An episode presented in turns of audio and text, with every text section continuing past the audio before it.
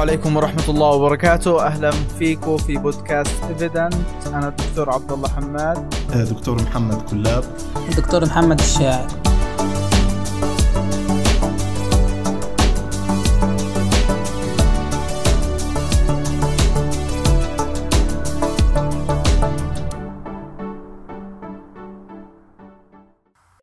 راح نتعرف معكم اليوم على أو نستقرأ الاستراتيجيات في التعامل مع جائحة كورونا في العالم.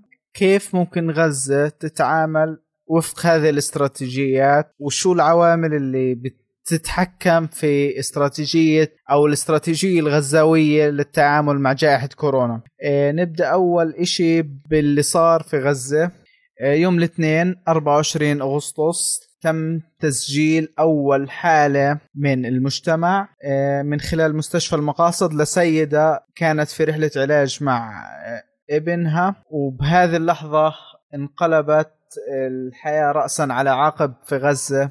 تسجيل أول حالة من داخل المجتمع بعد ما كانت غزة خالية من الكورونا أو بشكل أدق آه، حالات الكورونا كانت في نطاق الحجر.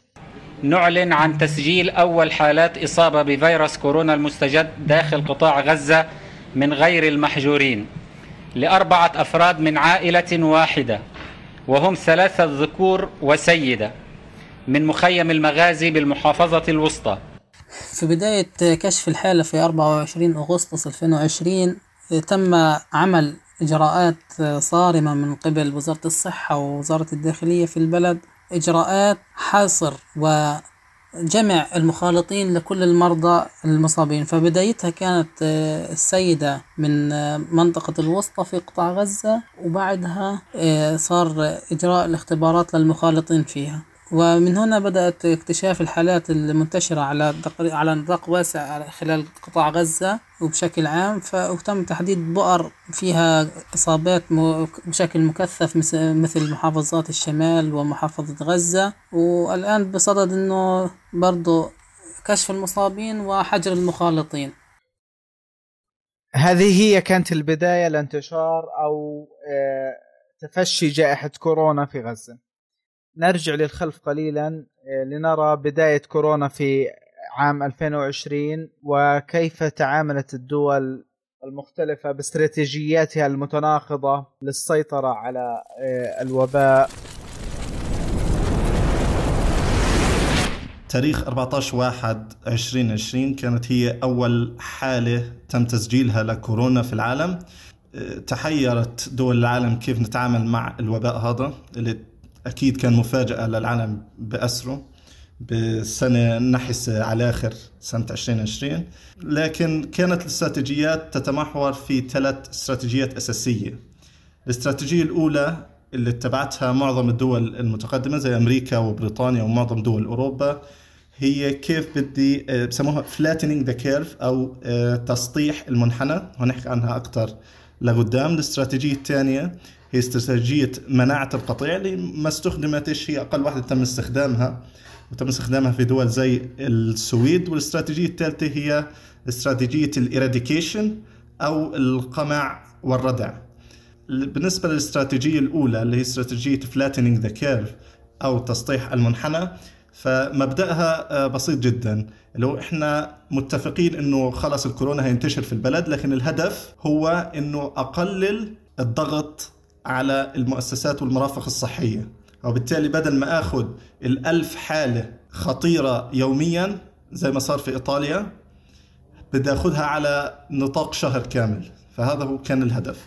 وميزته أو إيش الهدف من إني أعمل flattening لل curve إنه هيقلل ال mortality rate لأنه مش هيصير إشباع لل- للخدمات الصحية. وبالتالي بدل ما هي ما صارت 8 و9% من المصابين صاروا يموتوا في إيطاليا.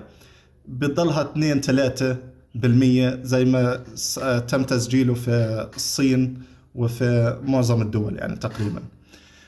هذا بالنسبة للاستراتيجية الأولى. الاستراتيجية الثانية هي استراتيجية مناعة القطيع. وهذه طبعا هي مش استراتي... هي السبب الوحيد اللي هنحكي عنه فيها هي إنها اخذت صارت ترندنج أخذت آه، آه، يعني ناس كثير بيحكوا عنها في العالم لكن هي استراتيجية فاشلة جدا. وما تمش اتباعها يعني في دول كثيرة السويد على سبيل المثال في شهر ثلاثة خططوا إنه إحنا بدناش نعمل أي إيقاف للمرافق الصحية وبدناش نوقف عجلة الاقتصاد زي ما بقولوا وهنخلي الناس يروحوا ويجوا زي ما بدهم. اللي يصاب يصاب واللي يموت يموت ومش فارق كتير. طبعا عشان تنجح هذه الاستراتيجية لازم 80% من الشعب يصاب. عشان نقول إنه نجحت هذه الاستراتيجية لأنه لو انصاب 80% بقدر أضمن إنه ال 20% هدول مش هيصلهم فيروس لأنه في 80% اوريدي متصوبين ومش هياخذوا الفيروس مرة ثانية. طبعا توقعوا الاستراتيجيين في السويد إنه في شهر خمسة هيتم إصابة 80% من الشعب. لكن بنلاقي حسب الإحصائيات إنه في شهر ستة كان البيك لتسجيل عدد الحالات. لأنه في يوم واحد في شهر ستة سجلوا أكثر من ألف حالة. وبالتالي فشلت هذه الاستراتيجية فشل ذريع. وواحدة من أسباب فشلها إنه لم يتم تنفيذها أساسا لأنه صعب إنك تحكي للناس آه، اطلعوا برا ومش فارق يعني لو كبار آه، الكبار في العيلة يموتوا أو هذا وتصرفوا بشكل عادي مش هيتقبلوا الناس الموضوع هذا. فالسبب الأساسي إنه ما حدش التزم بقصة مناعة القطيع والناس لحالهم كانوا يعزلوا حالهم. بغض النظر عن التعليمات الحكومة ولكن بعد شهرين ونصف من التجربة السويدية وصل عدد الإصابات لنحو 42 ألفا إلى جانب نحو 5000 حالة وفاة وهي أرقام أعلى بأربع مرات من أرقام الدول الإسكندنافية المجاورة. بالنسبة للاستراتيجية الثالثة اللي اسمها الإراديكيشن أو القمع والرفع هي استخدمت بشكل خاص في منطقتين معينات هي هونغ كونغ وسنغافورة. بالبداية قبل ما نبدأ عن الاستراتيجية في مقدمة صغيرة عن هونغ كونغ. هونغ كونغ في 2003 في 2003 بدأ عندهم السارس هو الكوفيد الكورونا فيروس ولكن في الجنريشن تاعته البدائية آه، صار عندهم انتشار للوباء ولكن تم آه، حصره بسرعة وقتها.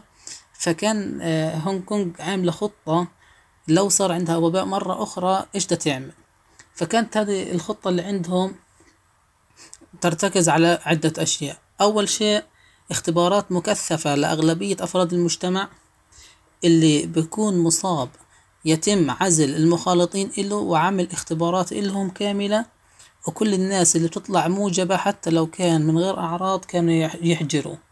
فتم حصر كل المصابين في منطقة معينة وبقية المجتمع كان ياخد إجراءات احترازية ولكن ما وقفوش عجلة الاقتصاد.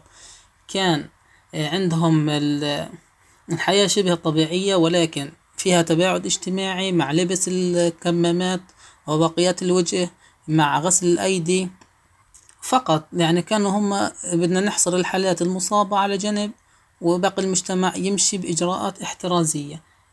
عملت هذه ميزة حلوة عندهم ضلهم لعند شهر آه، مارس شهر ثلاثة من شهر واحد لشهر ثلاثة عندهم عدد الحالات فقط 149 حالة في هونغ كونغ ولكن في نص شهر ثلاثة ظهر عندهم بيك شوية عالي 1009 حالات. ولكن هذا هذا الرقم ما وصل إنه يثقل كاهل وزارة الصحة ولا يأثر عليهم فكان الإشي بالمعقول آه، كان يعني الموضوع متحكم فيه بزيادة. سنغافورة المثال الثاني لعند شهر ثلاثة على هذا النظام الاختبارات المكثفة وعزل المخالطين. وحجر صحي للموجبين كان عندهم 226 حالة لعند شهر ثلاثة ولكن صار عندنا بيك كوية شوية كبير وصل ل 3000 إصابة ولكن برضه ضمهم ضمن العدد المعقول ما وصلش إنه آه، يثقل كاهل وزارات وزارة الصحة عندهم ولا المستشفيات. فكانت آه، يعني شبه إنها استراتيجية كويسة ومفيدة للمجتمع والدولة. في مثال آه، أنا بشوفه بشابه غزة كثير اللي هو دولة نيوزيلندا اللي برضه اتبعت ال eradication strategy. هم كانوا بيفكروا إنهم يعملوا flattening the curve زي باقي دول العالم لكن النتائج اللي طلعت من إيطاليا وعدد الحالات اللي توفت خلتهم يفكروا في ال eradication therapy وبالفعل نجحت الإراديكيشن عفوا استراتيجي. وبالفعل يعني نجحت نجاح مبهر لدرجة إنه ما بعد شهرين من بداية الكورونا كان يعني تقريبا تمر أيام ما يسجلوش فيها حالات وهذا الشيء هو يعني المبتغى تبع أي استراتيجية لكوفيد 19 Today, there are no active cases in New Zealand. We have tested almost 40,000 people for COVID 19 in the past 17 days, and none have tested positive. We have had no one in hospital for COVID 19 for 12 days. It's been 40 days since the last case of community transmission, 22 days since that person finished their self isolation. And so today, I can announce that Cabinet has agreed we will now move to level one to get our economy fully open again, and we will start almost immediately.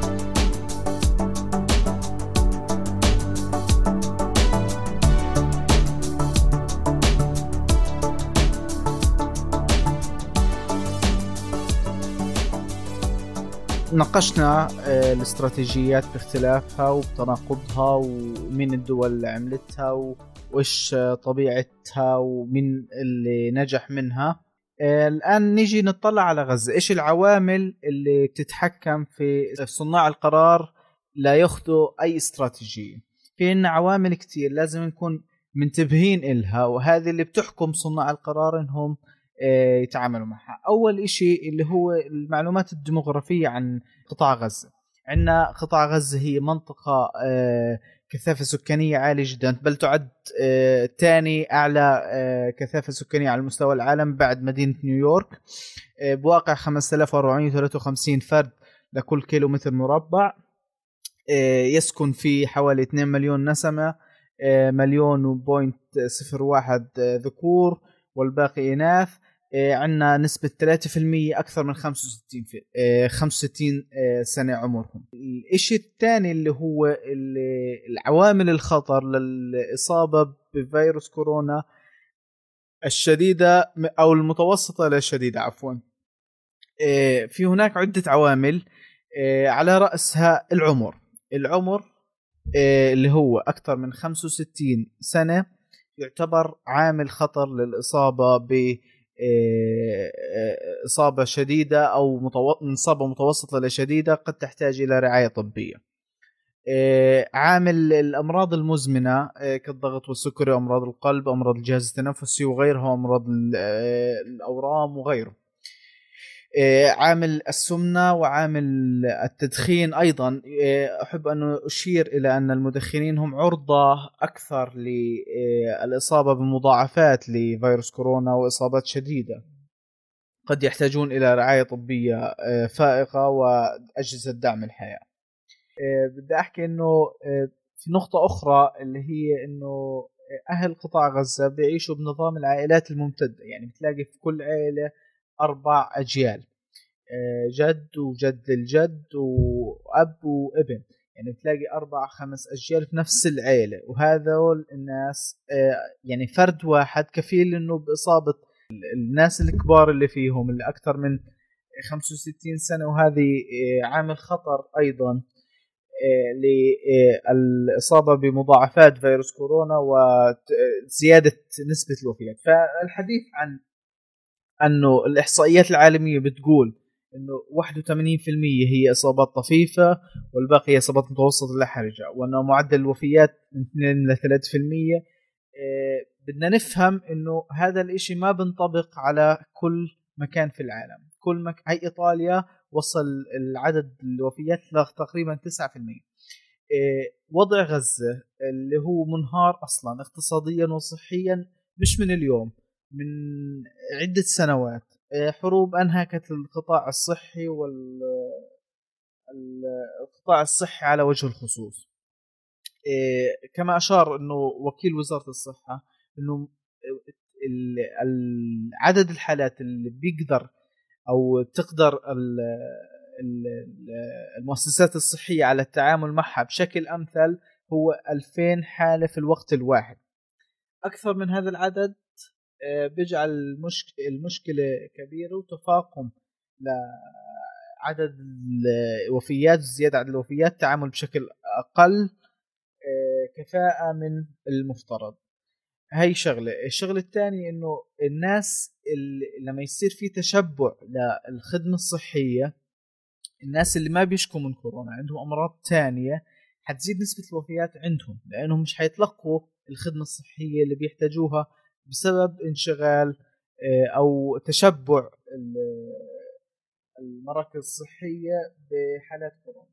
فالمسألة آه، تعتبر خطيرة جدا. انتشار الوباء في غزة بنحكي عن أرقام مخيفة. يعني لما نحكي مثلا إنه 19% حسب الإحصائيات العالمية وهي ممكن تكون أكثر أو أقل. 19% إصابات متوسطة لا شديدة.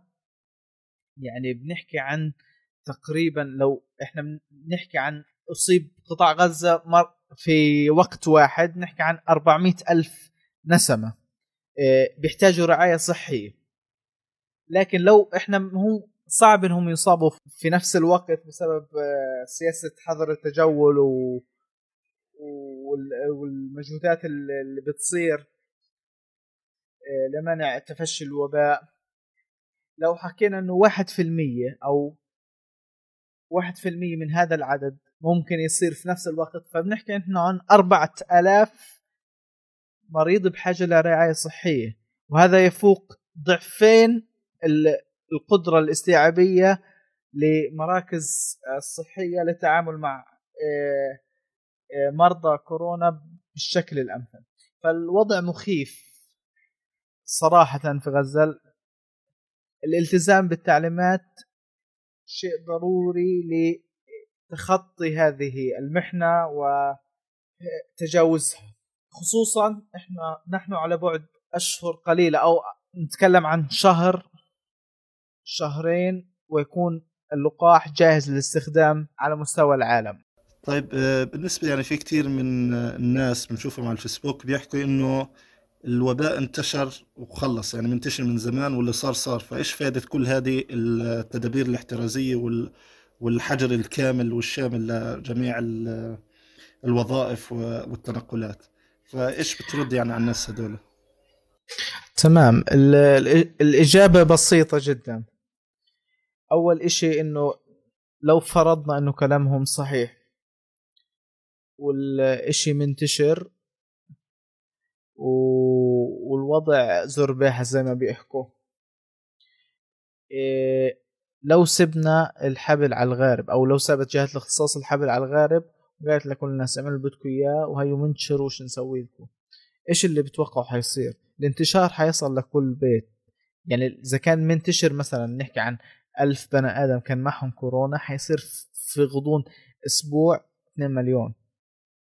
و2 مليون لو أصيبوا في وقت واحد ف إيش بنحكيها؟ المرتدى ريت أو المعدل الوفيات مش حيكون 2 ل 3% حيكون 50% ف يعني مجرد التفكير بهيك إشي آه، هو تفكير غير عقلاني غير منطقي بنم عن جهل كبير عن آه، عدم آه، أو على الأقل بيدعو هذا التفكير بيدعو الناس لعدم الالتزام بالتعليمات. يعني لا بدعوهم ل آه، الانقياد وراء آه، آه، أو عدم الالتزام بالتعليمات ورفع حالة الحظر ومشاكل كثير إحنا في غنى عنها. إحنا الطاقم ال أو السعة في المراكز الصحية للمرضى هي أصلا متشبعة قبل كورونا.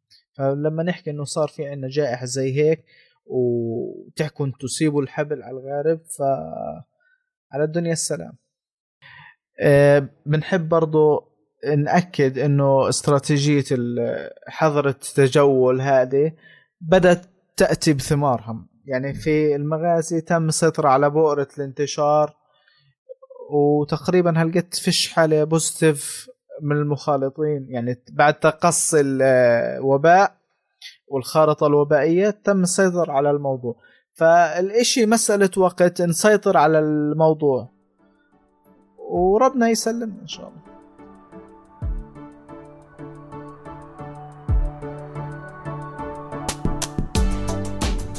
النصيحة هي بر الوالدين أهم من أبوكم وأمك. إيه، بداية إحنا كتعليمات راح نحكيها يعني مش إشي صعب راح يكون على الناس ولكن إشي لمصلحتهم. إيه، في بداية أي تعليمات اللي بدنا نحكيه إنه الفيروس انتشاره سريع ولا بتفرق معاه كبير ولا صغير. عشان هيك الواحد يلتزم شوية بالتعليمات إن شاء الله حيكون الوضع أحسن من هيك في قصة انتشاره. ووعي المجتمع هو أهم إشي. إيه، بداية في قصة انتشار الوباء وهيك عندنا كتير أشخاص بيكونوا غير ظهر عليهم الأعراض. لذلك إحنا بدك تتعامل لما بدك تطلع من بيتك أو أي مكان بدك تطلع عليه بدك تعتبر كل الناس مصابة عشان تاخد حذرك منهم. أول إشي من قصة التعليمات خروجك من المنزل لا يكون إلا بسبب للضرورة ولشراء الحاجيات الأساسية والرجعة للبيت. العدد اللي خارج واللي داخل من المنزل هذا لازم يكون أقل ما يمكن. اللي بيقدر يقضي مشوار بشخص واحد أو شخصين بكون كويس. الأقل عدد ممكن هو اللي يطلع لشراء الحاجيات اللازمة. عند الخروج من المنزل بدنا نتبع شوية إجراءات زيادة. أول إشي من الإجراءات بدك تشوف أي واحد تشرد منه. إيش هي مسافة التباعد منظمة الصحة العالمية بتحكي مسافة التباعد اللازم أو يعني اللي بكون آمنة هي ثلاثة متر. ولكن إذا مش قادر هذه المسافة يجب أن يكون عندك ارتداء للكمامات والشخص اللي أمامك لازم يكون أيضا مرتدي كمامة آه، عنده. الكمامات عندنا عدة أنواع من الكمامات اللي ممكن نستخدمها. في كمامة الأن خمسة وتسعين وفي عنا الكمامات الجراحية وفي الكمامات القماشية.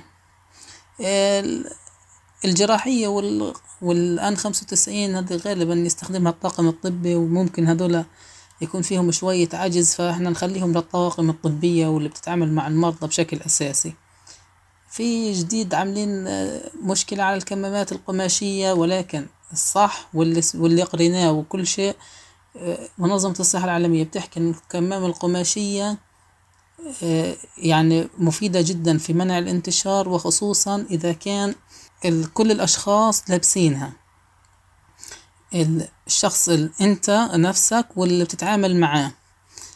آه، بيحكوا إن الكمامة القماشية لو كنت أنت لابسها واللي أمامك لابسها وبينكم تباعد مسافة أكتر من متر بقل نسبة نقلك للعدوى لتسعين بالمية. يعني آه، مستوى حماية كويس جدا وممتاز. فالواحد يحافظ عليهم آه، وحافظ على كمامته وحافظ على نفسه من تباعد اجتماعي وكمامات ونظافة شخصية.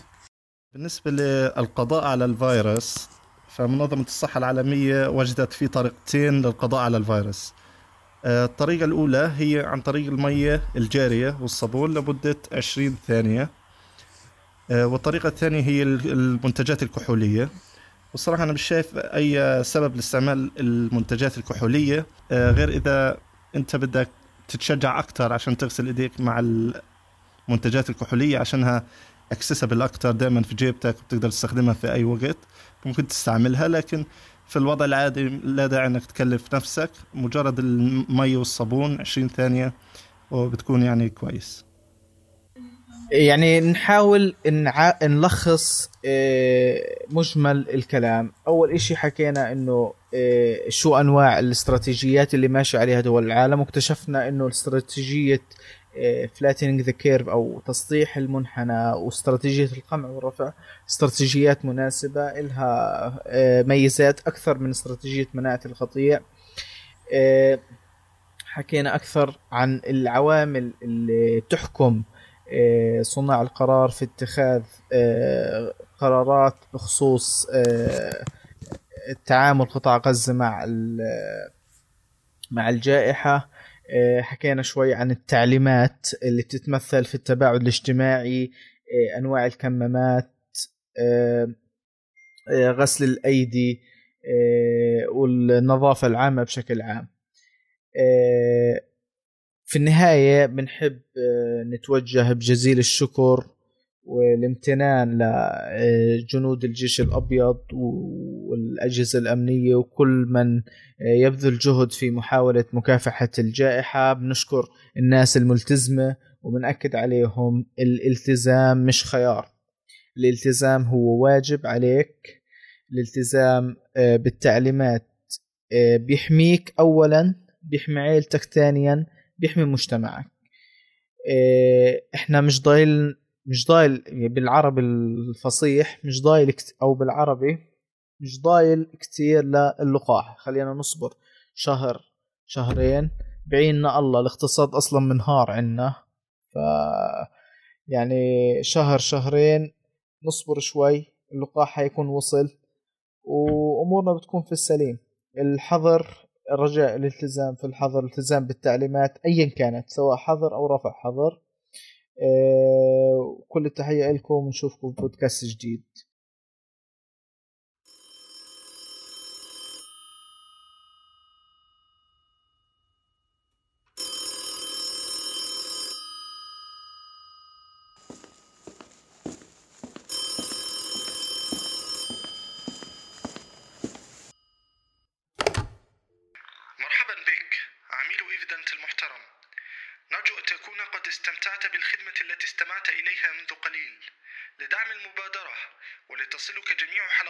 أولا بأول يرجى الاشتراك بالقناة على اليوتيوب والفيسبوك. ولا تنسى تقييم القناة على تطبيق البودكاست المفضل لديك. وشكرا.